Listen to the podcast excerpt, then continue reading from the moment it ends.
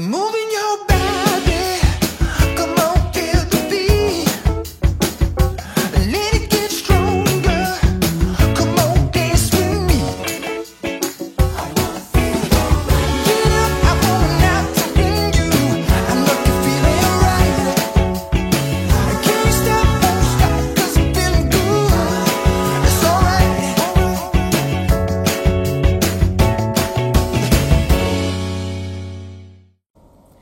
dobry, Katarzyna Urbańska. Witam w kolejnym odcinku programu Okiem byłej Frankowiczki. Dzisiaj gość wyjątkowy. e, Zgodził się przyjść do studia, e, spotkać się ze mną e, profesor Jakub Szczerbowski, dyrektor Wydziału Klienta Rynku in- Indywidualnego i Kapitałowego, tak? Bankowo-kapitałowego. Bankowo-kapitałowego z Biura Rzecznika Finansowego. Dzień dobry, bardzo mi miło przyjąć zaproszenie. Panie profesorze, panie dyrektorze, chciałam e, zadać panu kilka ważnych pytań z perspektywy Frankowiczów, takich pytań, w których może instytucja, jaką pan reprezentuje, e, też e, zabiera głos i może wytłumaczyłby pan e, widzom, słuchaczom pewne kwestie, które mogą być trudne, skomplikowane dla nich i wasze stanowisko w kontekście właśnie kredytów denominowanych, indeksowanych do waluty obcej. To zacznijmy może od pierwszego ważnego tematu, czyli e, pytania prezesa e, Sądu Najwyższego skierowanego do wielu instytucji, w tym do instytucji e, Rzecznika Finansowego, dotyczącego właśnie, pytania dotyczyły właśnie doktryny, jaką należałoby stosować w przypadku kredytów denominowanych i indeksowanych do waluty. Czy Wasze stanowisko jest już znane i jak wygląda Wasze stanowisko w poszczególnych kwestiach? Bardzo dziękuję za to pytanie. Faktycznie y, pierwszy prezes Sądu Najwyższego zw- zwrócił się do nas y, z takim mm, prośbą o stanowisko co do kierunków prawnych orzeczenia, jakie powinno zapaść. I to stanowisko y, Rzecznik Finansowy przedstawił w ubiegłym tygodniu.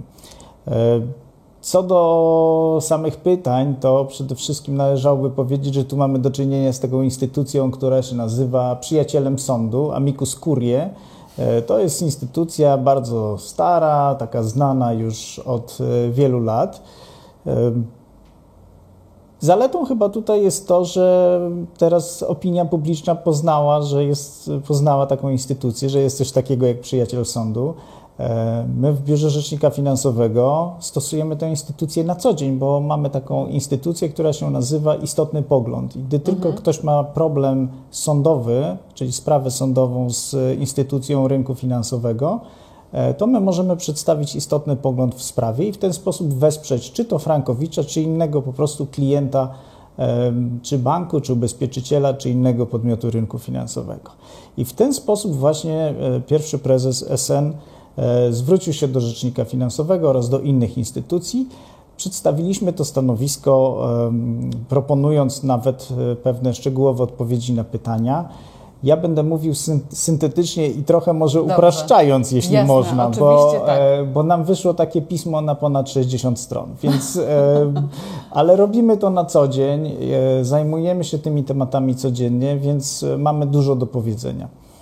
E, Najważniejsza rzecz, jaka, e, jaka w tym stanowisku jest, to jest kwestia tak zwanego wynagrodzenia za kapitał. To jest koncepcja, która w, stosunkowo niedawno się pojawiła e, na gruncie no, pomysłów strony bankowej, bo to No nie, właśnie. nie Frankowicze przecież wymyślili wynagrodzenie za kapitał jako pewien zarzut czy jako pewną podstawę roszczenia. No właśnie, to miało wywołać taki element zastraszający, paraliżujący przed ewentualnymi pozwami Frankowiczów. No tak, bo jeżeli ja miałbym pozwać bank i przeżyć 3-4 lata w sądzie, e, stosunkowo dużego stresu i tak dalej. Ja, ja wiem, że my prawnicy to lubimy do sądu chodzić, e, ale nasi klienci klienci nie lubią, tak, nie lubią chodzić do sądu.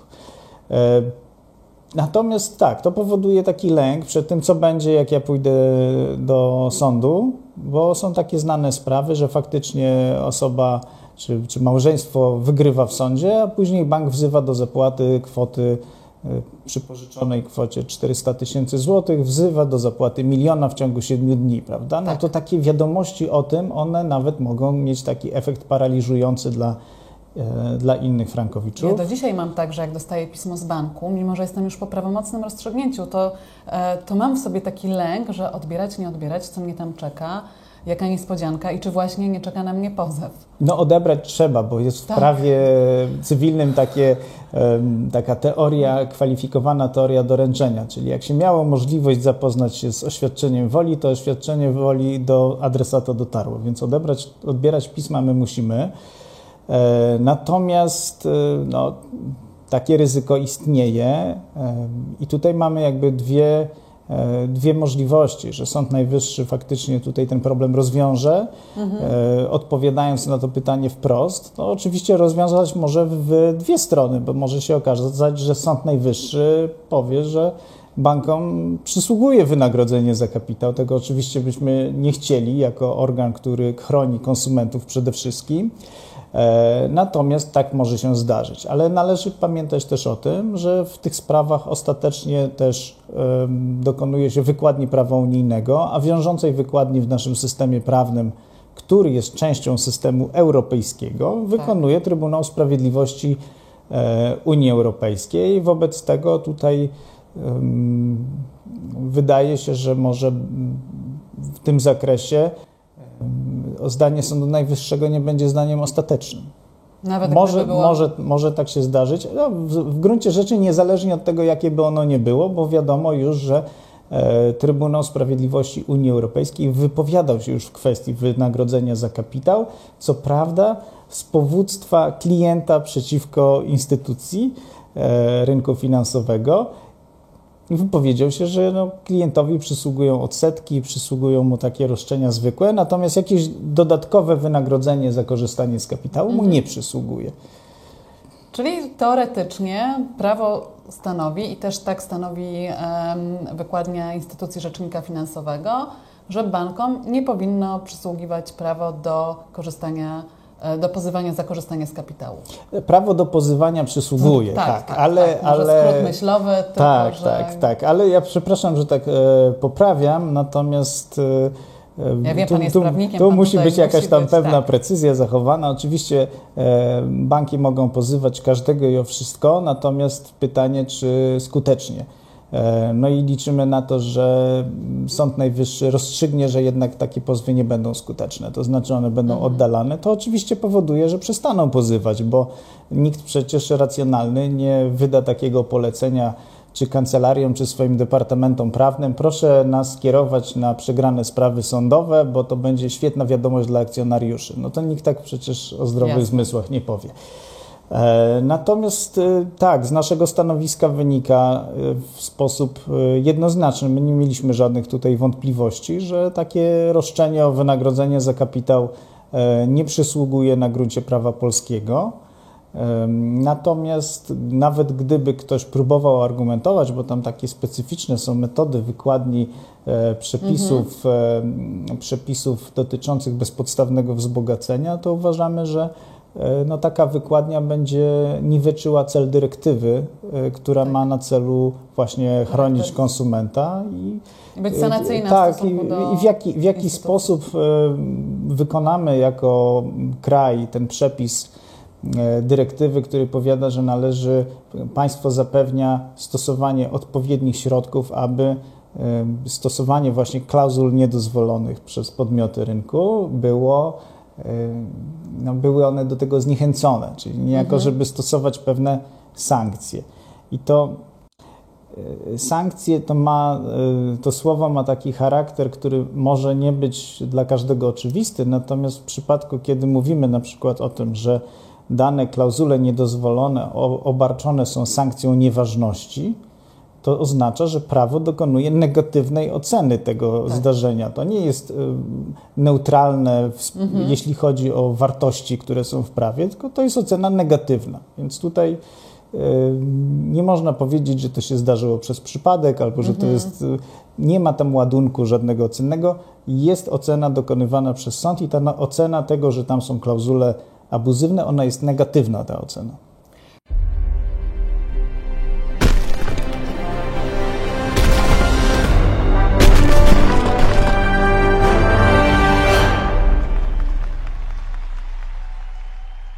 Kolejna rzecz, która się pojawia w tym zapytaniu, to jest dla mnie takie dosyć e, nowe pojęcie trwała bezskuteczność. Tutaj chodzi o ten moment przedawnienia roszczeń. E, w jakim momencie Wy, jako rzecznik finansowy, oceniacie ten moment tr- trwałej bezskuteczności? Który to jest moment? Kiedy ja dowiaduję się, że moja umowa może być nieważna i zgłaszam to drugiej stronie? Czy to jest moment, w którym ja już podpisałam umowę i jedna ze stron, czyli strona banku, wiedziała, że ma klauzule abuzywne? Jak oceniać tę trwałą bezskuteczność? Albo czy to jest moment, e, w którym zapadnie prawomocne orzeczenie sądu? Tu faktycznie e, poglądów pojawia się wiele. My mamy swój pogląd na to. E, w mojej ocenie ten pogląd jest najwłaściwszy, ale musimy zaznaczać, że tutaj poglądów na, to, e, na, tą, na tą kwestię jest bardzo dużo. E, Wobec czego, co my tutaj mamy? No mamy, e, mamy taki problem, że musimy zinterpretować, co to znaczy, że klauzula nie wiąże konsumenta. Tam w przepisie artykułu 385 z indeksem 1 jest takie słowa się pojawiają, nie wiążą konsumenta. Co to znaczy, że konsument nie jest związany? To znaczy, że bankowi, jeżeli konsument sobie życzy, żeby umowa dalej obowiązywała, to bank nie może powiedzieć, no to my y, chcemy unieważnienia tej umowy, bo my tu wkładaliśmy klauzul niedozwolonych, więc y, y, my dziękujemy, tutaj mm, unieważniamy tę umowę. Nie, nie, to właśnie, że nie wiążą konsumenta, to należy interpretować, ale wiążą tę drugą stronę. Więc dopóki konsument nie wykona swojego uprawnienia, zaraz będziemy mówić, jak mam wykonywać to uprawnienie, dopóki konsument nie wykona swojego uprawnienia, e, to, to bank jest związany tą umową. Natomiast jak to uprawnienie należy wykonać? Tu No pojawiają się różne koncepcje, prawda? Jedna z koncepcji, która się pojawia, to jest koncepcja taka, że e, trwale bezskuteczna się staje ta umowa, kiedy zapada prawomocne orzeczenie sądu. Według mnie ta koncepcja jest błędna. Z tego to wynika, że sądy orzekają, my to nazywamy w sposób deklaratywny, to znaczy z, pomiędzy z podmiotami prawa cywilnego dzieją się różne zdarzenia prawne. I te zdarzenia zmieniają sytuację prawną. Gdybym na przykład od pani pożyczył 100 zł, to sąd, zasądzając zwrot tej pożyczki, gdybym się okazał niesolidnym dłużnikiem, nie oddawał, to sąd nie wytworzy nowego stosunku prawnego, tylko popatrzy na to, że tutaj jest dług, faktycznie ten dług jest wymagalny, niespłacony i tak dalej i zasądzi 100 zł ode mnie na pani rzecz. E, I tak należy patrzeć też na te sprawy. Mm, Zdarzają się takie orzeczenia sądów, kiedy sąd tworzy nowe stosunki pomiędzy osobami. Na przykład orzeczenie rozwodowe faktycznie rozwiązuje małżeństwo. E, Na przykład miarkowanie kary umownej powoduje zmniejszenie kary umownej, ale to są przypadki, które są wyjątkami i one są w prawie wyraźnie wskazane. Tutaj nie mamy takiej sytuacji. A więc należy przyjąć, że to strony same wykonują te uprawnienia, a sąd jedynie patrzy na to i orzeka na podstawie przedstawionych faktów. Jak strony więc mają wykonywać uprawnienia? No poprzez zgłaszanie swoich roszczeń, czyli trwała bezskuteczność jest wtedy, kiedy klient oświadczy bankowi, że tam są klauzule abuzywne i e, te klauzule abuzywne, mm, no, nie czuje się nimi związany, nie chce tej umowy i tak dalej. Czyli e, idąc e, za tą interpretacją, moment złożenia reklamacji w banku powinien być tym momentem, w którym trwale i bezskutecznie przestaje obowiązywać nas ta umowa. E, Ostrożnie bym był tutaj powiedział z, ze słowem reklamacja, bo wydaje się, że to nawet nie musi być reklamacja w rozumieniu przepisów, e, e, przepisów ustawy właśnie o rzeczniku finansowym, bo to jest ta ustawa, która tryb reklamacyjny w bankach reguluje. E, Wydaje się, że to może być jaka, jakakolwiek czynność, która jest e, skierowana do właściwego podmiotu przez uprawnioną osobę, czyli przez Frankowicza w tym przypadku. I wówczas e, ta umowa staje się trwale bezskuteczna. Tutaj delikatnie zahaczyliśmy o temat, o którym Pan mówił, że to chyba najciekawszy temat e, e, z tych, które byśmy dzisiaj poruszali. To kwestia właśnie wykorzystania tego wątku informacyjnego, czyli jak ja się czuję poinformowana o tym, że mam nieważną umowę, albo bank mi mówi, że OK, my się zgodzimy na pewne e, ustępstwa względem Ciebie, ale Ty nie możesz dalej wobec nas z niczym występować. Pojawiła się koncepcja wakacji kredytowych jednej z instytucji, e, jednego z banków. E, Wy zaskarżyliście te wakacje kredytowe, bo wystąpiło tam oświadczenie ze strony banku, w którym tak naprawdę próbował zamknąć drogę frankowiczom e, i to jeszcze w czasach pandemii, czyli w tym takim trudnym momencie dla każdego e, nie tylko Frankowicza, ale w ogóle każdego kredytobiorcy, gdzie e, sytuacja finansowa wielu rodzin się pogorszyła, bank postanowił wykorzystać ten moment i podsuwał e, propozycję finansową, czyli ok, są wakacje kredytowe, wstrzymujemy Tobie e, spłatę, ale musisz nam podpisać oświadczenie, że Twoja umowa jest ok i Ty będziesz dalej po tych wakacjach spłacał nam ten kredyt, w związku z tym zamykamy Ci drogę em, występowania przeciwko nam, prawda? Tak, dokładnie taką sytuację stwierdziliśmy gdzieś około kwietnia ubiegłego roku, w, mom- w momencie, kiedy jeszcze no, cały rynek liczył na to, że kwestia wakacji, e, wakacji kredytowych zostanie mm, powiedzmy załatwiona przez sektor na zasadzie samoregulacji. No, Samoregulacja to jest taki, e, taka koncepcja, która powiada, że wiele elementów danego rynku może się samorzutnie uregulować, bo działają siły konkurencji. E, I na to, myślę, liczył ustawodawca. Jak już wiemy, ustawodawca przestał na to liczyć, bo pojawiły się ustawowe wakacje kredytowe, które, e, które były, e, z których potem e, frankowicze i inni kredytobiorcy korzystali. Natomiast e, co tu miało miejsce? Miała miejsce taka sytuacja, w której e, jeden z banków, e, Santander Bank Polska SA, oferował takie, e, takie mm, aneksy właśnie dotyczące udzielenia moratorium w spłacie, czyli tak zwane wakacje kredytowe i w tych aneksach znajdowały się postanowienia, które takie miały brzmienie, że albo się potwierdza saldo kredytu, e, które uznawaliśmy, że to jest ryzykowne i nie ma takiej potrzeby, aby to potwierdzać, skoro Tak. przecież jest harmonogram spłaty i to on jest wysyłany kredytobiorcy, albo taki jeszcze bardziej daleko idący, że, że kredytobiorca po, po, potwierdza, że bank posiada niesporną wierzytelność do kredytobiorcy. I to jest ten moment, w którym Znaczy, obydwa te postanowienia e, zostały przez nas uznane za postanowienia, które są tak zwanymi nieuczciwymi praktykami rynkowymi. E, Skierowaliśmy w- tej sprawie taki e, instrument procesowy, został przez nas użyty, który się nazywa wniosek o zabezpieczenie roszczenia. E, Złożyliśmy go 7 maja e, 2020 roku. E, 12 maja sąd zabezpieczył e, to nasze roszczenie poprzez zakazanie bankowi stosowania tych klauzul. Także tutaj Czyli dosyć szybka interwencja. no, wydaje się, że Sąd Okręgowy w Warszawie dostrzegł wagę problemu i załatwił tę sprawę ekspresowo. Mm, Przyznam, że wtedy się czułem e, dumny z bycia prawnikiem i mieszkania w państwie, gdzie sądy tak skutecznie działają, bo to było naprawdę godne, e, godne podziwu. Następnie e, złożyliśmy pozew, bo taka jest e, procedura, że jeżeli się dostanie zabezpieczenie, to jest dwa tygodnie na złożenie pozwu, Tak. inaczej zabezpieczenie upada. Złożyliśmy pozew e, i w tym pozwie właśnie wnosiliśmy głównie o to, aby bankowi zakazać stosowania tych klauzul w aneksach dotyczących wakacji kredytowych. Ubiegły piątek Sąd Okręgowy w Warszawie wydał wyrok korzystny dla nas. My się, jesteśmy bardzo zadowoleni z tego orzeczenia. E, I e, ja cały czas e, odpowiadając na, na Pani pytanie, tam była taka teza, że bank chciał różne rzeczy z, zrobić, czy planował.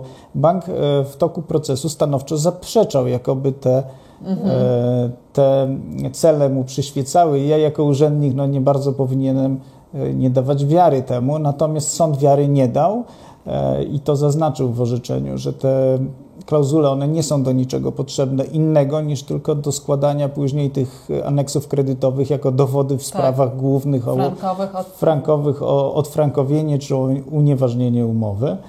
E, Sąd e, Okręgowy w Warszawie powiedział także, że stosowanie takich aneksów w takich okolicznościach stanowi wyraz najwyższej nielojalności kontraktowej względem konsumenta, e, co należy tłumaczyć no, jako wykorzystanie takiej sytuacji, w której człowiek właśnie e, wybuchła ogólnokrajowa e, pandemia. Wtedy to była, przecież wszyscy pamiętamy, Tak. panika, bo w ogóle nie było wiadomo, Byliśmy czy zamknięci w domach. zamknięci w domach. Co prawda tych zakażeń było o wiele mniej niż teraz, ale nikt nie wiedział, jakie to jest groźne, co z tym robić. Czy ja w ogóle będę mógł pojechać do rodziny, czy może państwo postawi czołgi na ulicach, żeby się ludzie nie przemieszczali? Tego przecież nie było wiadomo. Teraz już wiemy, oswoiliśmy się z pandemią, ale wtedy nie było nic wiadomo. No i jeszcze na dodatek tracisz pracę, idziesz po te wakacje kredytowe, będąc w sytuacji podbramkowej zupełnie, Tak. bo przecież po wakacje kredytowe to nie chodzili ludzie tak o tak sobie, tylko dlatego, że znaleźli się w jakiejś dramatycznej sytuacji. I wtedy bank wykorzystuje to, żeby zaproponować takie klauzule. E, tak należałoby odczytywać to uzasadnienie Sądu Okręgowego w Warszawie w tej sprawie. Tak, ale to e, nie jedyna historia, w której wy stajecie po stronie konsumentów. Zawsze wasze stanowisko jest e, sprzyjające konsumentów i ma chronić ich interes, E, ale myślę, że to, co ważne dla frankowiczów dzisiaj, to też, że zdarzają się, są to pojedyncze przypadki, ale zdarzają się wyroki sądów nie, na niekorzyść frankowiczów, mimo orzeczeń e, TSUE, e, mimo wykładni prawnej, mimo jakiejś tam już linii orzeczniczej stosowanej przez sądy. E, I stosujecie skargę nadzwyczajną. W ostatnim czasie e, dwa razy zastosowaliście tę skargę nadzwyczajną e, w sprawie wyroku Sądu Okręgowego w Gdańsku i we Wrocławiu, w których to sądach zapadły wyroki niestety na niekorzyść frankowiczów. Co taka skarga nadzwyczajna powoduje i dlaczego ona jest taka ważna i dlaczego tak działa na korzyść frankowiczów i Wy jako instytucja wtedy faktycznie możecie pomóc? Przede wszystkim warto powiedzieć parę słów na temat tego, tej instytucji prawnej, jaką jest skarga nadzwyczajna. To jest taka instytucja, która została wprowadzona kilka lat temu. To jest stosunkowo młoda instytucja. E, Polega ona na tym, że można zaskarżyć prawomocny wyrok. E, I my znamy już takie instytucje, one się nazywają nadzwyczajne środki zaskarżenia. I na przykład skarga kasacyjna jest taką instytucją, e, w której, mm, w której można zaskarżyć prawomocne orzeczenie, e, ale skarga nadzwyczajna to jest troszeczkę coś innego, dlatego że skargę kasacyjną składamy stosunkowo szybko po zapadnięciu prawomocnego wyroku. Też w przypadku, w przypadku skargi kasacyjnej no, ten, ten krótki upływ czasu często powoduje, że osoba no, nie zorientuje się, że może jej jakieś środki przysługują, albo tę skargę napisze i ta skarga nie przejdzie, mówiąc kolokwialnie. Natomiast skargę, e, skargę nadzwyczajną po pierwsze nie może złożyć każdy. Może zbo- mogą złożyć tylko instytucje, które są w ustawie o Sądzie Najwyższym wskazane i te instytucje w tej chwili, które skargi nadzwyczajne składają e, w największej ilości, to są prokurator generalny, rzecznik praw obywatelskich i właśnie rzecznik finansowy. Przy czym te dwie pierwsze instytucje składają skargi nadzwyczajne we wszystkich rodzajach spraw, natomiast rzecznik finansowy oczywiście w zakresie rynku finansowego. I e, też nie chciałbym tutaj e, wskazywać, że e, samo złożenie skargi nadzwyczajnej oznacza jakąś Tak, negatywną ocen, ocenę samego sądu, prawda? Bo czasem się zdarza tak, że zapada prawomocny wyrok i sędzia wydając ten wyrok działał najlepiej jak potrafił, prawda? Czyli y, orzekał w jakimś tam stanie. I y, oczywiście pojawiają się takie różne e, pomysły na to, żeby wytłumaczyć e, kredytobiorcom, że e, Przecież ci kredytobiorcy byli należycie poinformowani o skutkach kredytów i tak dalej w roku 2010. Zwróćmy uwagę na to, że jeszcze w roku 2019 tak prestiżowy sąd jak Sąd Okręgowy w Warszawie e, zwracał się do Trybunału Sprawiedliwości Unii Europejskiej o wyjaśnienie, jakie są skutki Tak. dyrektywy, prawda? Więc trudno tutaj jest mówić, że Jan Kowalski z małej miejscowości. Wiedział e, wiedział, wiedział, co brał, skoro sąd, e, sąd okręgowy w Warszawie sam nie jest pewien, jak powinien orzec na gruncie prawa europejskiego, jaki jest skutek takiej umowy. Więc y, to, to sądy orzekając, mogły to być na przykład orzeczenia, które zapadły przed wyrokiem w sprawie Dziubak, mogły to być orzeczenia, które zapadły na przykład przed uchwałą z dnia 7 maja y, 2021 roku, tą uchwałą Sądu Najwyższego, o, której podjęcie właśnie Rzecznik Finansowy się zwracał. Y, I te orzeczenia, jeżeli one są y, wadliwe, w sensie nie są zgodne z tą wykładnią, która została przyjęta, e, to może należy się zastanowić, czy one czynią zadość tak zwanej koncepcji demokratycznego państwa prawa. E, I jeżeli mamy podejrzenie, że ten wyrok jednak narusza zasadę demokratycznego państwa prawa, a moja ocena y, jako prawnika jest taka, że jeżeli mamy wyrok, który wiemy, że jest niesprawiedliwy, i nie jest to o, sprawa o orzeszki ziemne, tylko to jest Tak. sprawa o oszczędności całego życia, bo to są tego Tak. typu kwoty. E, To trudno mówić, że w demokratycznym państwie prawa godzimy się na to, aby ktoś przegrał sprawę, dlatego że udało mu się zakończyć sprawę, zanim Trybunał Sprawiedliwości wydał jakieś orzeczenie, które dokonuje wykładni prawa unijnego. To w tych sprawach e, będziemy rozważać i zachęcamy wszystkich, także i kancelarię, zachęcamy do tego, aby rozważać przejrzenie tych spraw przegranych, em, co do tego, czy nie zachodzi tutaj konieczność właśnie złożenia skargi nadzwyczajnej. E, Tu zwracam uwagę, żeby też przejrzeć terminy, jakie są, bo to orzeczenie musi być wydane w określonej dacie, e, ale to każdy Ale to fachowy. bardzo ważna informacja, dlatego że ja myślę, że wielu frankowiczów wciąż paraliżuje lęk i obawa, że tak naprawdę no, z jednej strony linia orzecznicza jest korzystna i sprzyjająca frankowiczom, ale oni cały czas się boją, że z jakiegoś powodu ich wyrok będzie inny. I że coś się wydarzy, albo że sędzia nie będzie wiedział, jak orzec. No, mówię z perspektywy Szarego Kowalskiego i właśnie jak pozwie nie w Wielkiej Warszawie swój bank, tylko w jakimś mniejszym mieście, gdzie nie będzie takiej praktyki frankowej, jaka jest, e, znana e, chociażby z przekazów e, medialnych, to, że on pozostaje sam sobie, ale okazuje się, że jednak są instytucje, które stoją po stronie konsumentów, o czym wciąż naprawdę niewielu z nas wie, że Rzecznik Finansowy może też w indywidualnej sprawie przeciwko e, właśnie e, bankowi e, zastosować tę skargę nadzwyczajną. Musimy pamiętać, że każda sprawa sądowa jest związana z ryzykiem i w przyprawach, sprawach cywilnych strony są obciążone pewnymi obowiązkami, których niedochowanie ma, ciągnie za sobą negatywne skutki. Co to oznacza? To oznacza, że jeżeli byśmy chcieli bez pomocy prawnika em, walczyć z bankiem, to, To może, zostać, może być wykorzystane przez drugą stronę bardzo skutecznie To czasami. po drugiej stronie będzie bardzo dobra kancelaria prawna i będziemy mniej więcej mieli takie szanse, jakbyśmy może wypili trochę za dużo w barze i stwierdzili, że widzimy znanego boksera albo e, takiego w- osobę, to się chyba teraz nazywa MM, MMA, tak? Tak. To widzimy takiego, ja nie, nie znam się na tym, ale oni się umieją bić i postanowiliśmy sprawdzić, czy nam się uda. No nie uda się. Ci zawodowcy to robią na co dzień, dzień w dzień, godzinami, a my robimy to pierwszy raz. To e, może się udać, ale to będzie cud. Tak. lepiej w życiu na cuda nie liczyć. To jest bardzo ważna rzecz, o której Pan tutaj wspomniał, bo faktycznie e, trzeba pamiętać o tym, że no, trudno nam w tak skomplikowanej sprawie reprezentować się samemu, że musimy się tutaj zdać na wykwalifikowaną kancelarię, która poprowadzi nas przez tę drogę, bo po drugiej stronie naprawdę nie jest łatwy przeciwnik. Ale ja się bardzo cieszę, że zgodził się Pan być moim gościem i że tak bardzo przystępnie wytłumaczył Pan e, i rolę rzecznika, i stanowisko rzecznika finansowego, bo to też myślę niewielu i z widzów, e, i z frankowiczów wie, że instytucja rzecznika finansowego stoi w sprawach frankowych po stronie konsumentów. I wy jesteście na stanowisku, że klauzule abuzywne, te niedozwolone zapisy w umowach e, i brak informacji o możliwościach konsekwencji tych kredytów denominowanych i indeksowanych, całe ryzyko spadało na konsumenta, że banki się na tyle zabezpieczyły, że właściwie im żadne konsekwencje walutowe nie groziły, że teraz jedyne e, konsekwencje, jakie ich spotykają, to wyroki sądów.